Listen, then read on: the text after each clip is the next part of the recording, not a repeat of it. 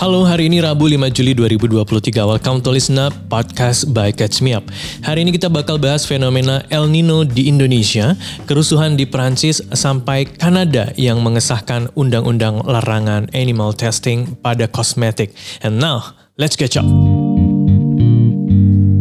Yes, in the midst of all the drama yang terjadi di negeri plus 62 ini, Kemarin, Presiden Joko Widodo menyampaikan kekhawatirannya tentang fenomena El Nino di Indonesia. Kekhawatiran Pak Presiden disampaikan waktu membuka sidang kabinet di Istana Negara Jakarta kemarin Senin. Ya, jadi emang uh, eh, FYI ya, bulan-bulan ini tuh beberapa negara di dunia lagi menghadapi peningkatan suhu global. Salah satunya Indonesia. Makanya Pak Presiden kemarin ngewanti-wanti untuk ah, seluruh jajaran kabinetnya agar bisa mengantisipasi segala kemungkinan yang bisa terjadi. Salah satunya ya El Nino ini. Soalnya ternyata para ilmuwan National Oceanic and Atmospheric Administration telah mengkonfirmasi El Nino sudah dimulai dari Juni lalu. Kamu tahu El Nino kan ya? El Nino ini adalah sebuah fenomena iklim di mana permukaan air laut jadi lebih hangat dari biasanya. Ini terkait dengan pemanasan yang terjadi di Samudra Pasifik tropis bagian tengah dan timur. Secara bisa bikin air laut jadi lebih hangat, tentunya El Nino ini bakal berpengaruh ke iklim daratan yang bakal jadi lebih kering dan mengurangi curah hujan bulanan. Terakhir, El Nino sendiri terjadi 4 tahun lalu dan baru ada lagi sekarang.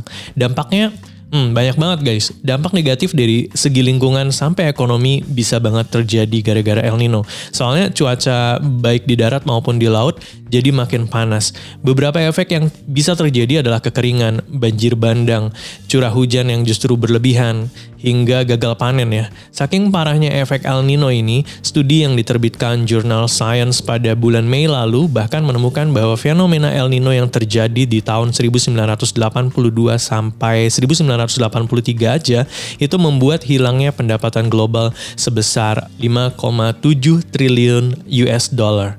Gede banget kan ya. Nah, makanya BMKG sendiri sebenarnya udah memprediksi fenomena ini bakal dialami oleh Indonesia. Kekeringan atas dampak dari adanya El Nino. Baru-baru ini aja kebakaran hutan dan lahan EKE Karhutla terjadi di kota Banjarbaru, Kalimantan Selatan. Dari pantauan BMKG terdapat 28 titik panas atau 65,6 hektar lahan yang terbakar di seluruh Kalimantan Selatan pada bulan ini. Keseluruhan titik panas tersebut disebabkan oleh musim kemarau dan tingkat kelembaban udara yang kering. So, pemicu kecil api seperti puntung rokok bakal gampang banget menyebabkan karhutla guys. Gak cuma dari segi ekonomi dan lingkungan aja nih, El Nino ternyata juga bisa memicu demam berdarah. Hal ini disampaikan oleh epidemiolog uh, Universitas Andalas Devriman Jafri weekend kemarin, menurutnya nyamuk membawa virus demam berdarah Aedes aegypti ini masih bisa bertahan pada kondisi iklim kering sekalipun. Perkembangan suhu yang terjadi pada saat El Nino membuat nyamuk juga bisa beradaptasi mengikuti iklim yang kering. Terus action step-nya gimana? Nah, Coba kita balik lagi ke Pak Presiden yang lagi buka sidang kabinet pada momen itu. Pak Presiden bilang kalau pemerintah udah bikin 5000 embung di Indonesia. Yap, embung. Embung bahasa Sundanya nggak mau, eh bukan ya. Jadi embung adalah cekungan untuk menampung aliran air hujan. Nah, selain embung ada juga pundungan um, bendungan maksudnya ya. Sejumlah 38 yang udah dibangun di seluruh Indonesia. Hopefully by next year, bendungan ini bakal nambah sampai 61 bendungan. Nah, berbagai proyek ini dicanangkan Pak Jokowi sebagai antisipasi dampak kekeringan El Nino yang bisa aja menyerang Indonesia. So, harapannya segala embung dan bendungan yang dibangun itu bisa mencukupi kebutuhan air di masyarakat. Balik lagi soal El Nino tadi, Uh, pihak Badan Pangan Nasional juga lagi nyiapin cadangan pangan pemerintah. Pihaknya kini udah kerjasama dengan beberapa BUMN di sektor pangan untuk merealisasikan program ini. Ada total 11 komoditas pangan strategis mulai dari beras sampai minyak goreng yang bakal disiapin pemerintah. Ya, ini semua tentu aja buat jaga-jaga kalau amit-amit harga komoditas pangan di pasar itu mulai melambung sebagai efek dari El Nino. Oke, kita ke berita yang selanjutnya. Ya, Paris, Prancis, yang identik dengan Emily dan kecantikan menara evil, kini lagi nggak baik-baik aja guys. Sejak minggu lalu, di sana tengah terjadi protes besar-besaran yang dipicu kematian bocah 17 tahun yang diduga dibunuh sama polisi setempat. Warga yang ke-trigger sampai turun ke jalan dan kerusuhan pun merambat ke berbagai kota. Anyways, to give you some background, kerusuhan ini dimulai dari hari Selasa minggu lalu di mana ada seorang bocah keturunan North Africa berusia 17 tahun yang bawa mobil dan menerobos lampu merah. Nehel namanya. Aksi ini kemudian dinotis sama polisi dan dia pun diberhentikan. Pas diperiksa surat-suratnya disebutkan bahwa Nehal ini nggak bisa menunjukkan SIM-nya. Terus disebutkan juga bahwa waktu mobilnya berhenti, polisi yang menghentikan ini langsung menodongkan senjata ke arah Nehal. Nehal yang panik kemudian menggas mobilnya untuk lanjut jalan. Namun polisi udah menembakkan senjata sampai bikin Nehal tewas dan mobilnya menabrak pinggiran jalan. Nah, the fact that Nehal ini adalah bocah keturunan North Africa yang ditembak polisi itu bikin publik jadi marah banget guys. Iya, publik menilai polisi di sana tuh emang rasis dan abuse of power sehingga hal ini bisa terjadi. Makanya mulai dari hari Selasa sampai weekend kemarin, ribuan orang turun ke jalanan dan memprotes what so called kebrutalan ya, quote and quote. Kebrutalan dari polisi ini guys. Kayak di negeri Wakanda ya. Nah, di Paris, aksi demonstrasi berpusat di Champ Elias yang bikin suasana jadi mencekam banget. Iyalah, tentunya warga yang marah dan turun ke jalan ini benar-benar bikin orang takut guys, karena banyak titik api yang menyala. So, Terus so far diketahui ada lebih dari 700 uh, bangunan ya, seperti toko, supermarket, restoran, dan bank yang habis dijarah sama pengunjuk rasa. Ribuan kendaraan juga habis dibakar.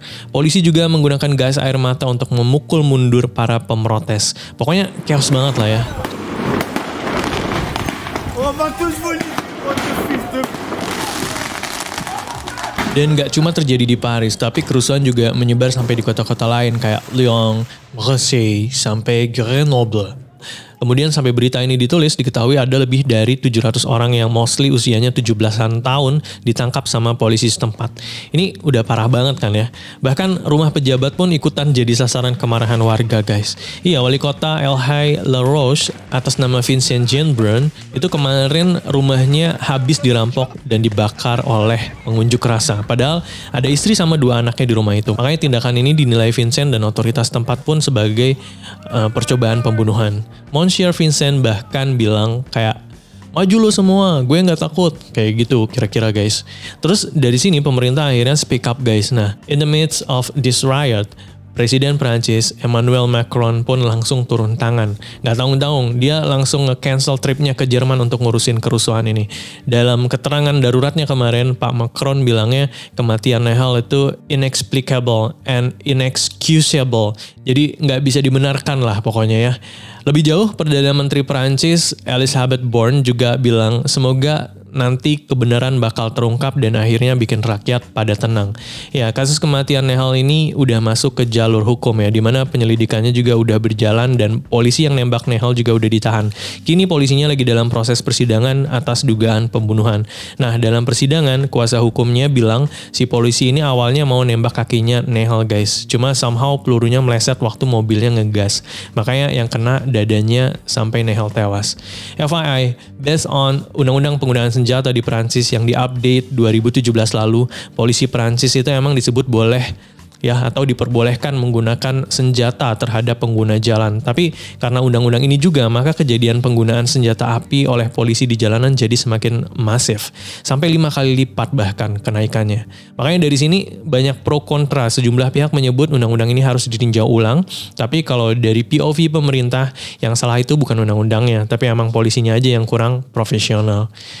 Oke, okay, kita ke berita yang terakhir ya, guys. Whatever. I mean, who knows? Maybe it'll boost our female demographic. The point is, we're animal lovers. Calling all the lady boss and not. Yang udah nonton Legally Blonde 2, kamu pasti udah hafal jalan ceritanya ya kan?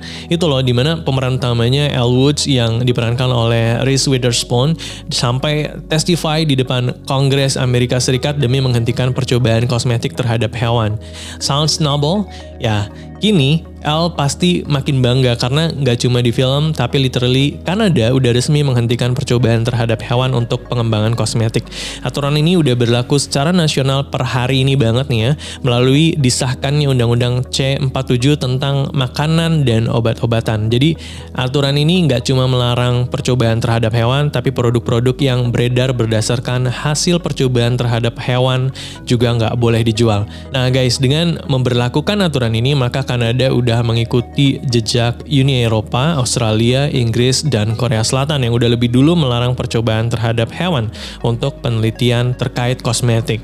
Totalnya saat ini ada 44 negara yang melarang percobaan terhadap hewan untuk kosmetik di seluruh dunia. Tapi of course, Indonesia sih belum. Gimana nih Pak, Bu, BPOM? Oke, itu dia untuk Listen Up episode kali ini. Sampai ketemu lagi di episode selanjutnya di hari Jumat. Bye now!